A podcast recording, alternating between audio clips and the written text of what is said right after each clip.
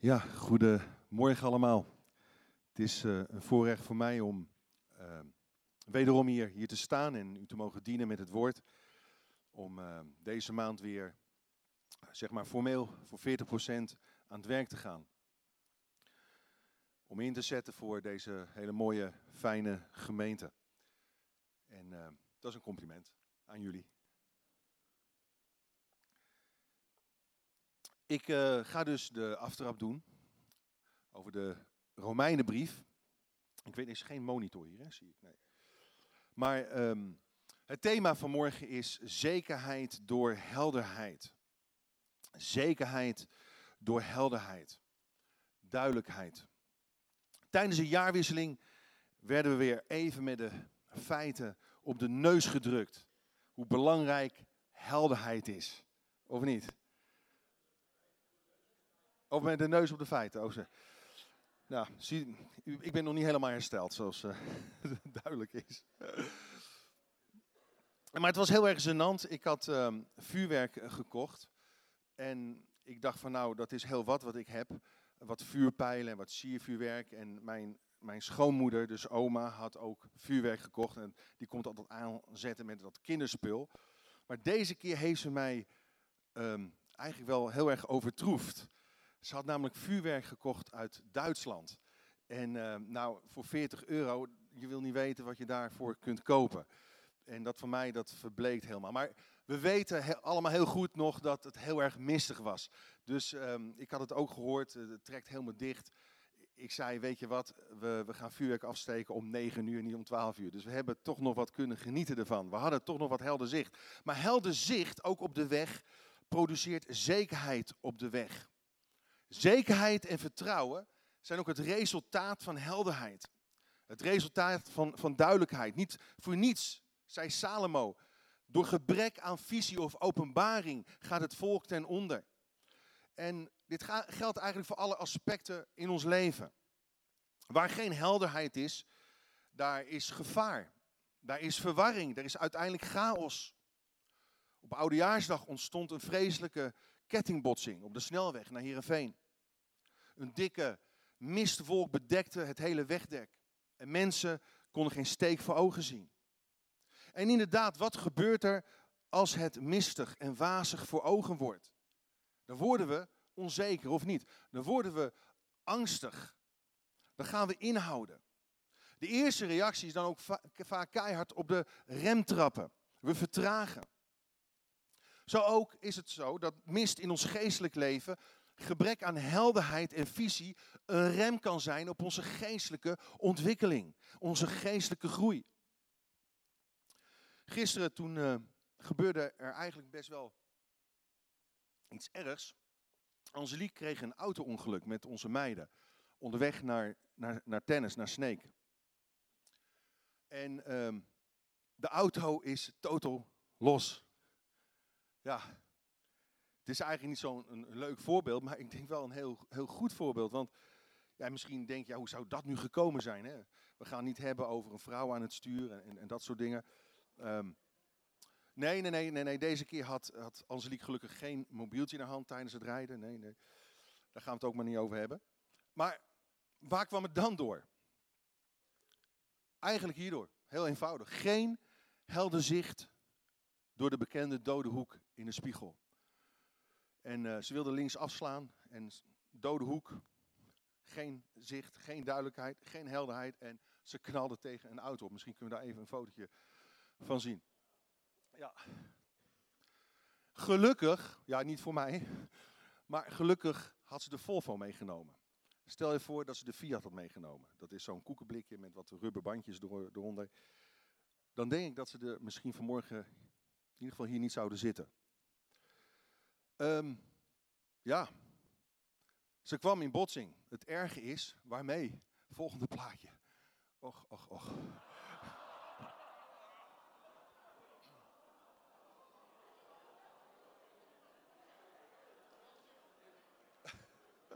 Nou, die was er nog erger aan toe. Maar goed, ik was WA verzekerd. De ironie is dat ik een jaar geleden, ik was all-risk verzekerd, heb ik hem net uit de all-risk gehaald, was goedkoop en nu Totaal los, nou, weg auto. Uh, politie blij, want die krijgen hun geld. Uh, maar ja, het was nog heel spannend, want uh, het is dat er twee hele lieve meisjes achterin zaten. Anders was Anslik meegenomen op grond van een, een, een terroristenaanslag. Hè? Dat begrijpt u wel. Goed. De gevolgen zijn desastreus als je geen helder zicht hebt. Als je met een dode hoek, een, een blinde vlek misschien wel te maken hebt. En vanaf vandaag gaan we een nieuwjaarsduik in de Romeinenbrief uh, doen. Het is de brief bij uitstek die helderheid geeft in wat we precies geloven. En als je het goed bestudeert, jaagt het de mist, geestelijk gezien, weg. produceert het zekerheid en overtuiging in je geloof. De kern van ons geloof wordt systematisch helder uiteengezet. Wat heeft Jezus precies gedaan? Wat betekent het dat Hij voor ons gestorven is? Wat is de uitwerking daarvan in ons dagelijks leven? En zo is het heel erg belangrijk om van tijd tot tijd uh, bepaalde boeken in de Bijbel, brieven in de Bijbel, gewoon systematisch te bestuderen. Want het spreekt, het, het leeft, het woord van God is levend. Hoe kan het überhaupt dat een boek dat zo oud is als de Bijbel, misschien wel 6000 jaar oud, nog steeds zoveel mensen aanspreekt in 2020? Is het niet opmerkelijk dat de Bijbel het meest verkochte boek ter wereld is? Ja, sorry Harry Potter, maar dat is een feit. Hier moet natuurlijk wel een bovennatuurlijke oorzaak voor zijn. Maar als je kijkt naar het algemeen doel van de Bijbel, dan lezen we in Timotheus het volgende. 2 Timotheus 3 vers 15. Elk schriftwoord is door God geïnspireerd, ingeblazen, is bruikbaar voor het onderricht, voor het weerleggen van dwalingen, voor de verbetering van de zeden, voor de opvoeding tot een rechtschapen leven, zodat de mens van God berekend is voor zijn taak en toegerust is voor elk goed werk.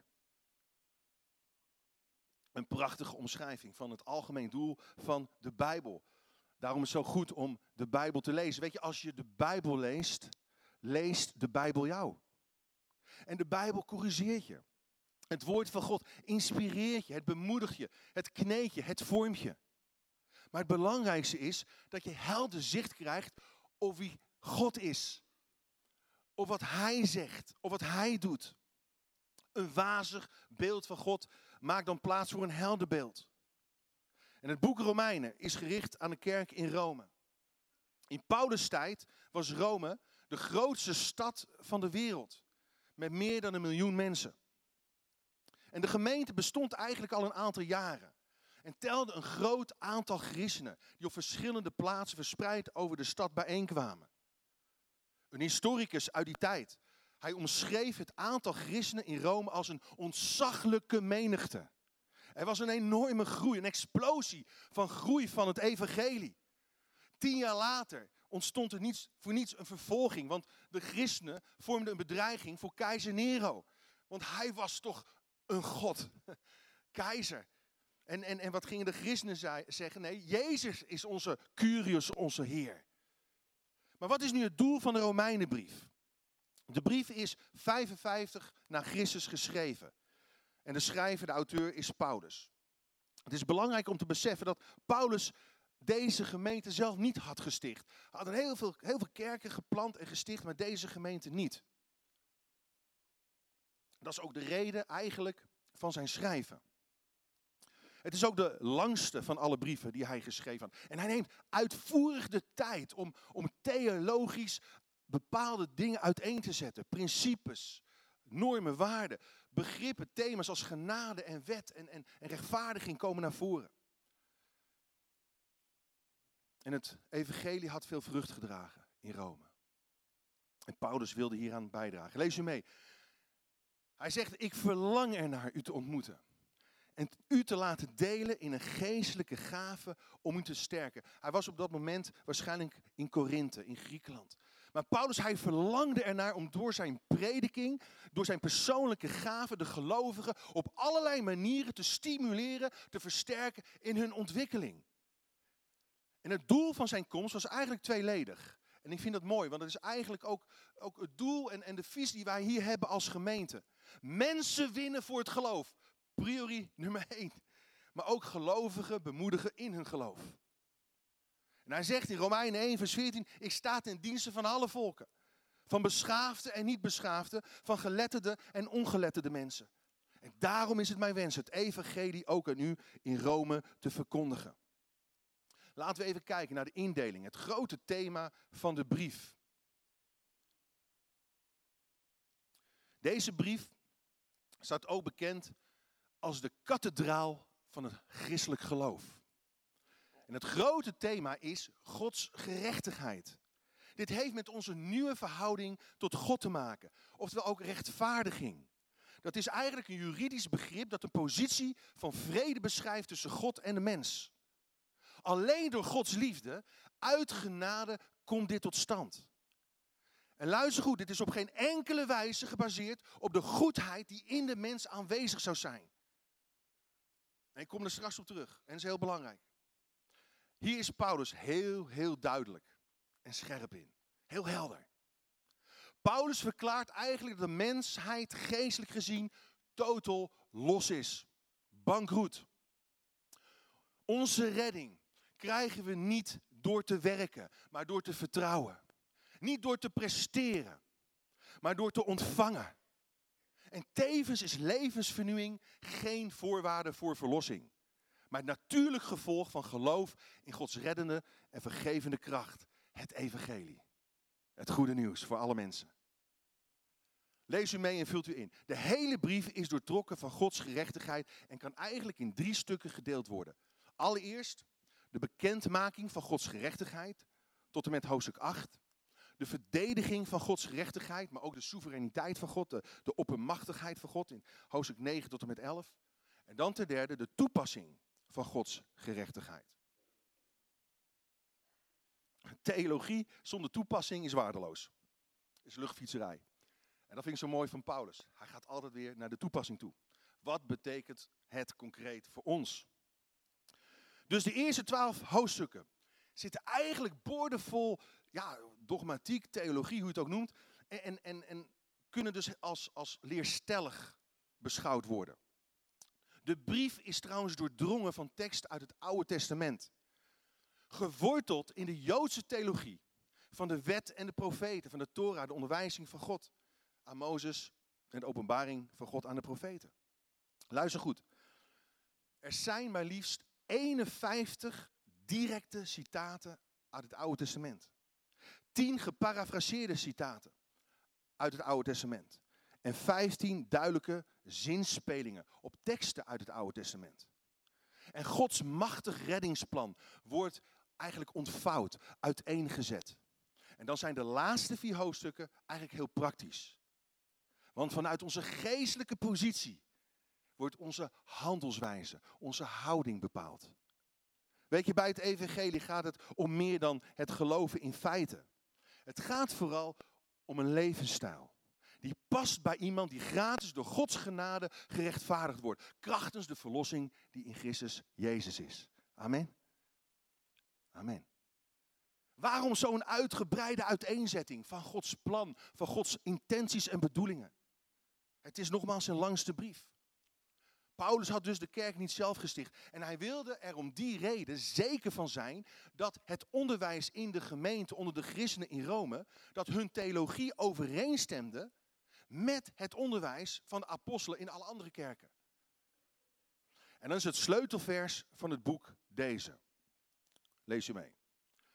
Dat is trouwens ook een tekst die, toen ik tot bekering kwam, eigenlijk van God ontving. En ik had volgens mij dat nog nooit gelezen, maar voor dit evangelie schaam ik mij niet. Want het is Gods reddende kracht voor allen die geloven. Voor Joden in de eerste plaats, maar ook voor andere volken. En ik, ik heb iets vergeten, ik ben herstellende, dus neem me niet kwalijk, om eigenlijk het belangrijkste op de handouw te vermelden. Dus schrijf dat wel op. En dat is dat hij in vers 17 afsluit met de rechtvaardige zal door het geloof leven. Niet door gevoel, maar door het geloof. De rechtvaardige zal door het geloof leven. Dat is een sleutelvers in de brief aan de Romeinen. En natuurlijk ook Romeinen 3, vers 24. Maar goed. Ik vind het zo'n machtige tekst. Ik schaam mij niet voor het evangelie. Dat is een uitspraak waar geen angst in zit. Geen terughoudendheid, geen onzekerheid, geen mist, geen wazigheid. Het is een proclamatie waar geen mist over hangt. Het is niet vaag, het is helder. Weet je, gebrek aan vrijmoedigheid ontstaat vaak door gebrek aan duidelijkheid. Die blinde hoek. Helder zicht op wie God is, produceert vertrouwen en vrijmoedigheid. En er zijn eigenlijk drie dingen waar je zeker over moet zijn. Drie vragen die helderheid brengen over waar je staat in het leven. Allereerst, vul me in, wie dien je? Wie dien je?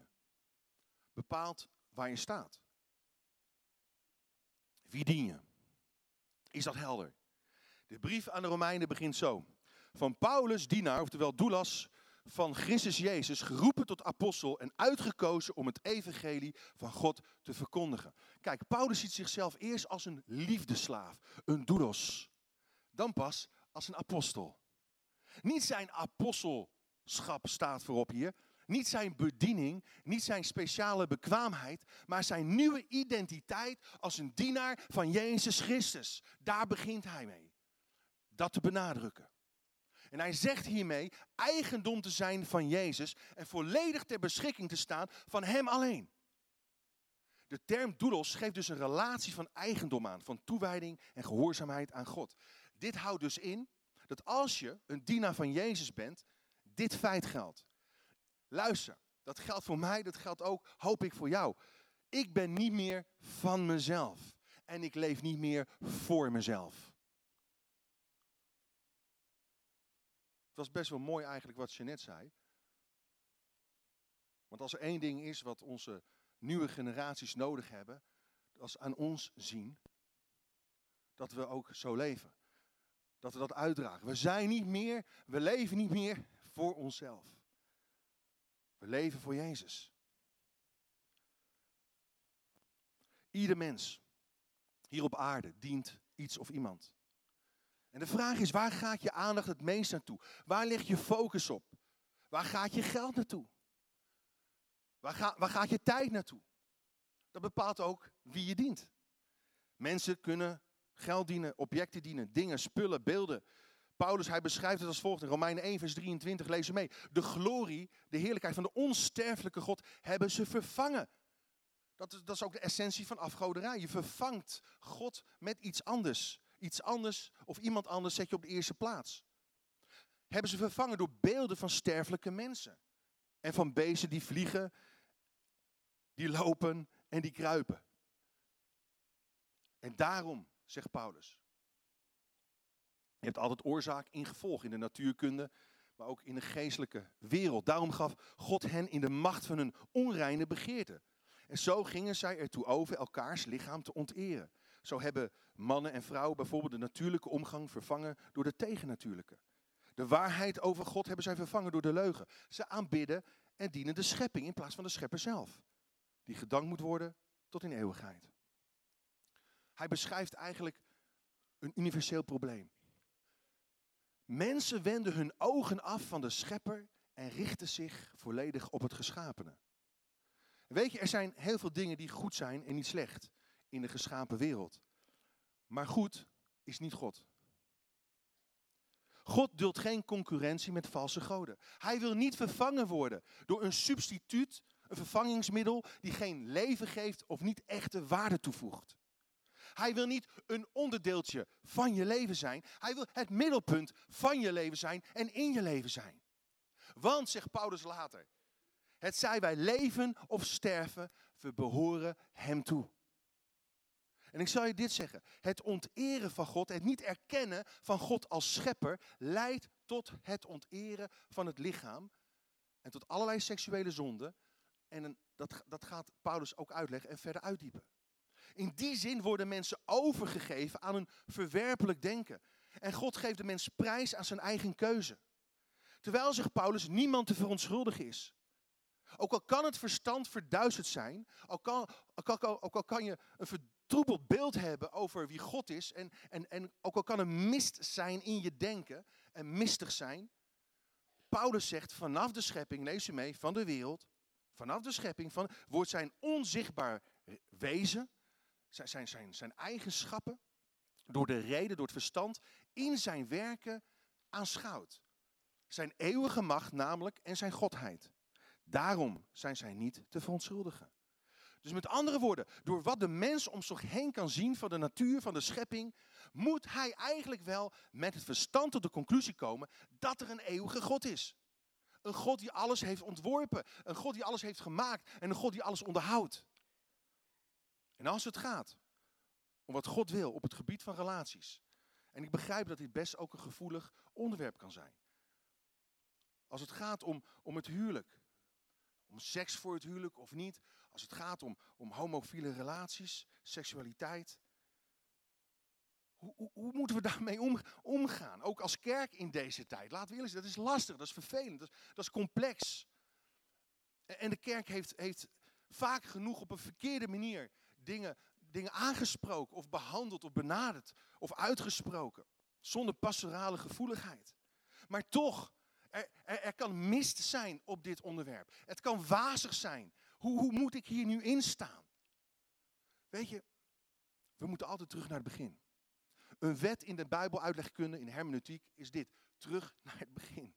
Hoe heeft God het bedoeld? Hoe ziet de scheppingsorde van God eruit? Wat zijn Gods scheppingsintenties? Terug naar Genesis. In den beginnen. Wat deed God? Hoe, hoe schiep God de mens? Wat was zijn bedoeling met de mens? Wat zijn de tijdloze principes die voor alle mensen door alle eeuwen van toepassing zijn? Om een leven te leiden die God eert. En wat voor seksuele gerichtheid je ook hebt. Wie je ook bent. Blank of donker. Arm of rijk. Dat maakt niet uit. Wie dien je? Wie dien je? Paulus, hij is duidelijk. Hij wil duidelijkheid scheppen. Hij wil de mist in ons leven weghalen. En, en hij is er niet op uit om hier mensen te veroordelen. Hij is erop uit om mensen tot Christus te laten leiden en daarin vernieuwing te kunnen ontvangen. Daarom doet hij dit. Daarom zegt hij dit. Hij wil duidelijkheid scheppen. En dan de tweede vraag die heel belangrijk is. Is waar ben je toe geroepen? Waar ben je toe geroepen? Romeinen 15 vers 18. Hij zegt, ik durf trouwens alleen maar te spreken over wat Christus door mij gedaan heeft om de niet-Joden te brengen tot gehoorzaamheid aan het evangelie. Door woorden en daden, door machtige tekenen en wonderen en door de kracht van Gods geest. Want het evangelie is een kracht van God tot behoud van een ieder die gelooft. Weet je, we hebben allemaal een algemene roeping en we hebben allemaal een specifieke roeping. Helaas weten we vaak niet zo goed wat we met het woord roeping aan moeten. Maar roeping heeft te maken met waar God je voor wil gebruiken hier op aarde. Je bent hier voor een missie. Want je leeft, weet je nog, niet meer voor jezelf. Maar roeping is ook wie je bent. Of je nu een brandweerman bent, een leraar, een advocaat, een monteur. Je bent geroepen om een kind van God te zijn. Je bent geroepen om het evangelie uit te dragen. Je bent geroepen om te laten zien wat God in je leven heeft gedaan. Om een licht hier op aarde te zijn. Om het zout hier op aarde te zijn. En luister, daar hoef je niet specifiek de bedieningsgaven zoals Paulus te hebben van apostel. Maar waar je ook bent, wat je ook doet. Je bent geroepen om God te weerspiegelen. Om zijn wezen, zijn karakter te weerspiegelen. Te vertegenwoordigen. Op school, op werk, in de sportschool, in de winkel. Weet je, ik, ik, ik, weet, ik begrijp niet altijd waarom mensen daar zo moeilijk over doen. En, en misschien is, is evangelist ook een klein beetje mijn gave. Behalve, behalve het leraarschap. Maar ik heb een, eh, een hele tijd lang uh, een burn-out gehad. En nogmaals, u weet, ik ben herstellende. Maar ik kon altijd wel ergens een praatje maken. Als ik met de hond aan het wandelen was. Er waren altijd wel aanknopingspunten. Of ik nou in de winkel stap. En soms had ik er helemaal geen zin in. Maar dan gaat het toch wel spontaan. Dan beginnen toch te borrelen in me. Luister, als, als we allemaal dat zouden doen. Van de gelegenheid gebruik maken. En de kansen die God ons geeft om in te stappen. Daar in het leven waar mensen zich bevinden. En ze dan geleidelijk aan mee te nemen. Tot die vernieuwing in Christus. Wauw, wat gaaf is dat. Wat gaaf is dat. Overal waar je bent. Want we hebben genade niet ontvangen om voor onszelf te houden, maar om door te geven. Om te delen met anderen. Want zegt Paulus, Romeinen 10, vers 14, hoe zullen zij in hem geloven van wie zij niet gehoord hebben? En hoe zullen zij horen zonder iemand die predikt? En hoe zullen zij prediken als ze niet gezonden worden? En zo is dan het geloof uit het gehoor. En het gehoor door het woord van God. En mijn vraag is, wil jij de stem van Jezus zijn in dit nieuwe jaar in jouw omgeving? En natuurlijk, het is woord en daad. Het is woord en daad. Met hoeveel mensen heb je vorig jaar gesproken over je relatie met Jezus? Hoeveel mensen heb je, heb je meegenomen naar misschien een connectgroep of naar een dienst? Lieve mensen, zijn we ons wel bewust van die hemelse, die heilige roeping en de rol die wij als gemeente hierin mogen vervullen? Paulus zei, ik weet wie ik dien en waartoe ik hier ben. En dat geeft zekerheid. En daarom schaam ik mij het evangelie niet. En dan ten derde, waarom ben je apart gezet? Apart gezet is eigenlijk de vertaling van geheiligd zijn. Waarom ben je apart gezet? Weet je, je bent uit de wereld geroepen. Niet om wereldvreemd te worden of zo. Of om elke week in een christelijk bubbelbad hier te gaan zitten. Ons kent ons. Je bent geroepen om vanuit een nieuwe identiteit in Christus te gaan leven. Dat betekent dat je anders gaat praten, je gaat je anders gedragen, je gaat anders denken. En het gaat hier om een proces van vernieuwd denken. Romeinen 12, vers 1. Wijd uzelf aan Jezus als een levende heilige offergave. Hem welgevallig. Dat is de geestelijke eredienst. Een daad van aanbidding die u past. Wees niet gelijkvormig aan deze wereld. Wordt hier vertaald als stem uw gedrag niet af op deze wereld. Word andere mensen met een nieuwe gezindheid. Een nieuwe mentaliteit. Een nieuwe oriëntatie. Je toewijding aan Jezus betekent heel eenvoudig je gedrag op Jezus afstemmen. Dat is heiliging.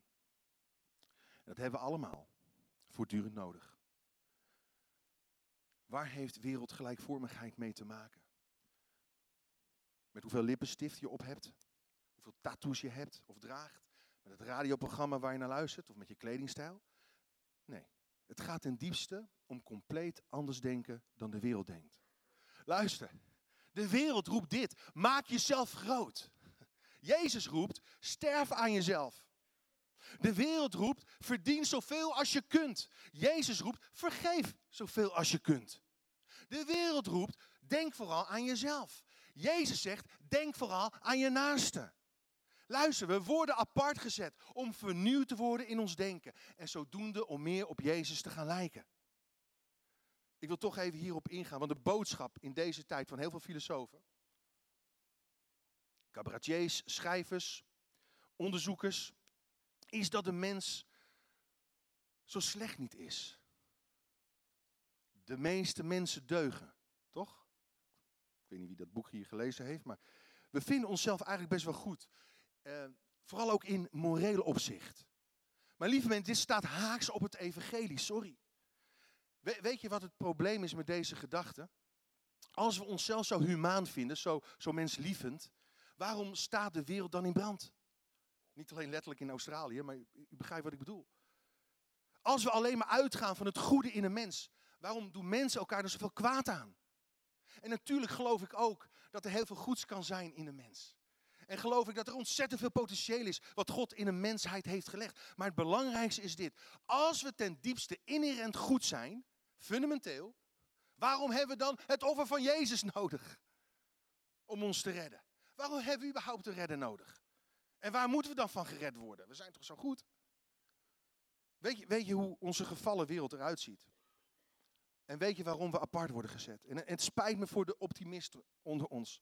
Het spijt me voor wie alles door een roze bril wil zien. Maar de boodschap van Paulus is helder. Het is duidelijk. Als het gaat om de conditie van ons menselijk hart. Jeremia, de profeet, zei al, oh, wie, wie kent het hart van de mens? Het is arglistig en slecht boven alles. Misleidend. En wat hij zegt gaat eigenlijk tegen de stroom in van elke cultuur en elke samenleving. Er is niets nieuws onder de zon. En hij verklaart de samenleving hier totaal los. Maar nogmaals, het doel wat hij voor ogen heeft, is om te laten zien dat we een redder nodig hebben, wie we ook zijn. Hij zegt, ze zijn vervuld van allerlei onrecht. Romeinen 1, vers 29. Totaal los, onmenselijkheid, hebzucht, slechtheid. En we focussen vaak op die seksuele zonde, maar hou even, kijk hier eens even naar. Afgunst, jaloezie, moord, oneenigheid, bedrog, boze opzet. Roddelaars zijn het. Kwaadsprekers, brutale en verwaande lieden die God minachten en van zichzelf hoog opgeven. Ze zijn vindingrijk in het kwaad, ongehoorzaam aan hun ouders. Ze zijn onverstandig, onbetrouwbaar. Genegenheid of medelijden kennen ze niet. Hm. Oké. Vaak, vaak lezen we daar even aan voorbij, weet je. verder, verder. We willen de genade, we willen de genade. Maar wacht even. Als we niet beseffen, luister goed, hoe diep wij alle gevallen zijn in zonde, zullen we nooit beseffen hoe groot en hoe diep de genade en liefde van Jezus is. Daarom gaat Paulus een soort van cultuuranalyse hier, hier neerzetten. Weet je, wij christenen zijn ook echt niet veel beter dan wat hij hier beschrijft. Daarom is het nodig dat we voortdurend ons gedrag afstemmen op wat God wil en op het wezen van God en niet op onze samenleving. Wat kan mij het schelen hoe het, hoe het in het bedrijfsleven gaat? Wat kan mij het schelen hoe het op daar gaat of hier gaat? Het gaat er mij om, wat zegt Gods woord? Hoe wij moeten functioneren. Wat zegt Gods woord? Hoe wij ons moeten gedragen. Daar wil ik me op afstemmen. Waarom wil God ons apart zetten?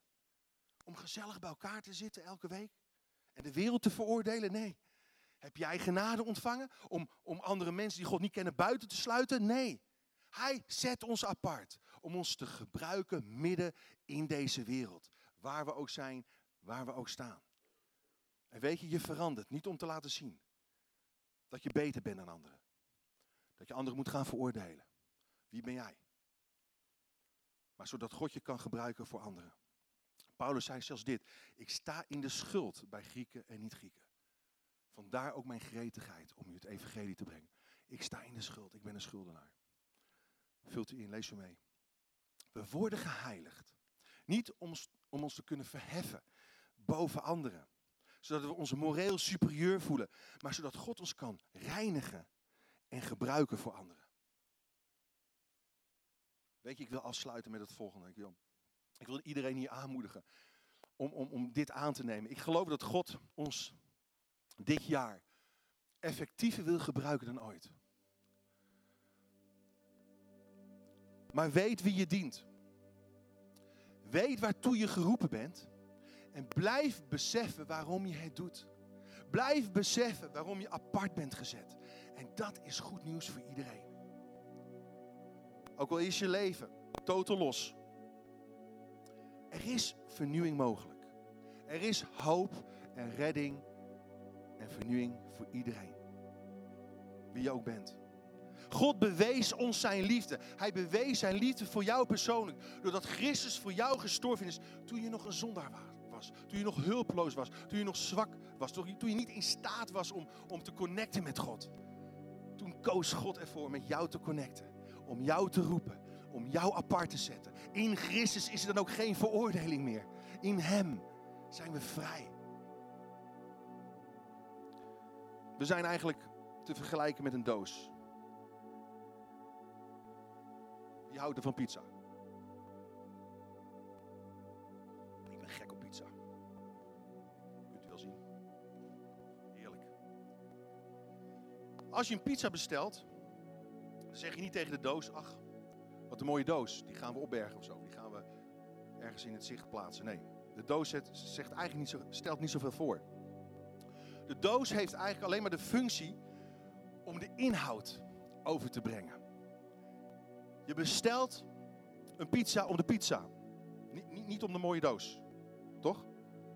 Maar de doos is wel nodig om die pizza over te brengen en te bezorgen.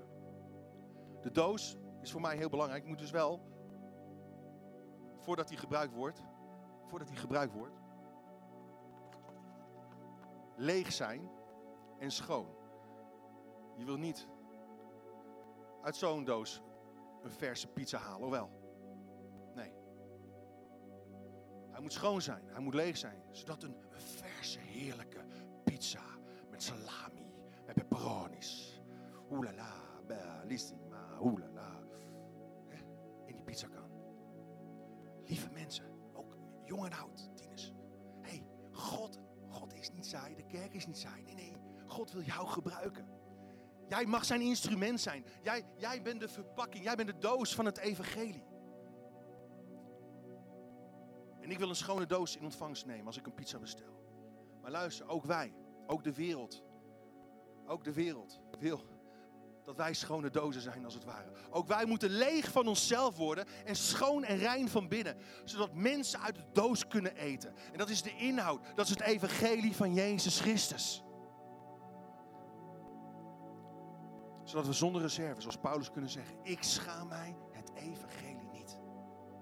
En lieve mensen, dit is wat mensen in onze steden, onze dorpen, in ons land nodig hebben. Mensen, christenen met overtuiging, die weten wie ze dienen. Die weten waarvoor ze het doen en waarom ze apart zijn gezet. Om bruikbaar te zijn. Om bruikbaar te zijn. Een schone lege doos. Zullen ons hoofden buigen, onze ogen sluiten. Heere God, ik geloof dat uh, u ons uh, heel duidelijk vandaag oproept om in, in, in volle vrijmoedigheid op te gaan staan. Om in volle vrijmoedigheid het komende jaar uit te gaan komen voor ons geloof. Voor onze overtuigingen. Voor wie u bent. Zonder mensen te veroordelen. Juist vanuit de genade, de liefde die we zelf ontvangen hebben. Mensen te omringen met diezelfde genade en liefde. En mensen te helpen, te stimuleren. Om naar Christus toe te groeien. Heer, ik bid dat ook vandaag het besef van uw genade, hoe groot die genade is, zo overvloedig mag zijn. Dat we niets anders willen dan verlangen naar meer van u. Naar meer van uw geest. Meer van uw kracht in ons leven. Dat het zichtbaar mag zijn. In ons dagelijks leven. In onze gezinnen. In onze huwelijken. In onze relaties. In onze gemeente. Dat we stoppen, Heer, om met het vingertje te wijzen. Stoppen, Heer, om elkaar vast te plakken en te prikken. En beginnen met elkaar te aanvaarden zoals u ons in Christus aanvaard heeft. En Heer, ik dank u zo, Heer. Dat het niet door kracht, niet door geweld is, maar door de Heilige Geest, de kracht van de Heilige Geest is. Dat mensen overtuigd worden. Dat mensen geraakt worden. En dat mensen vernieuwing mogen ontvangen. In Jezus' naam. Dat bid ik u. In Jezus' naam. Amen. Als er mensen zijn die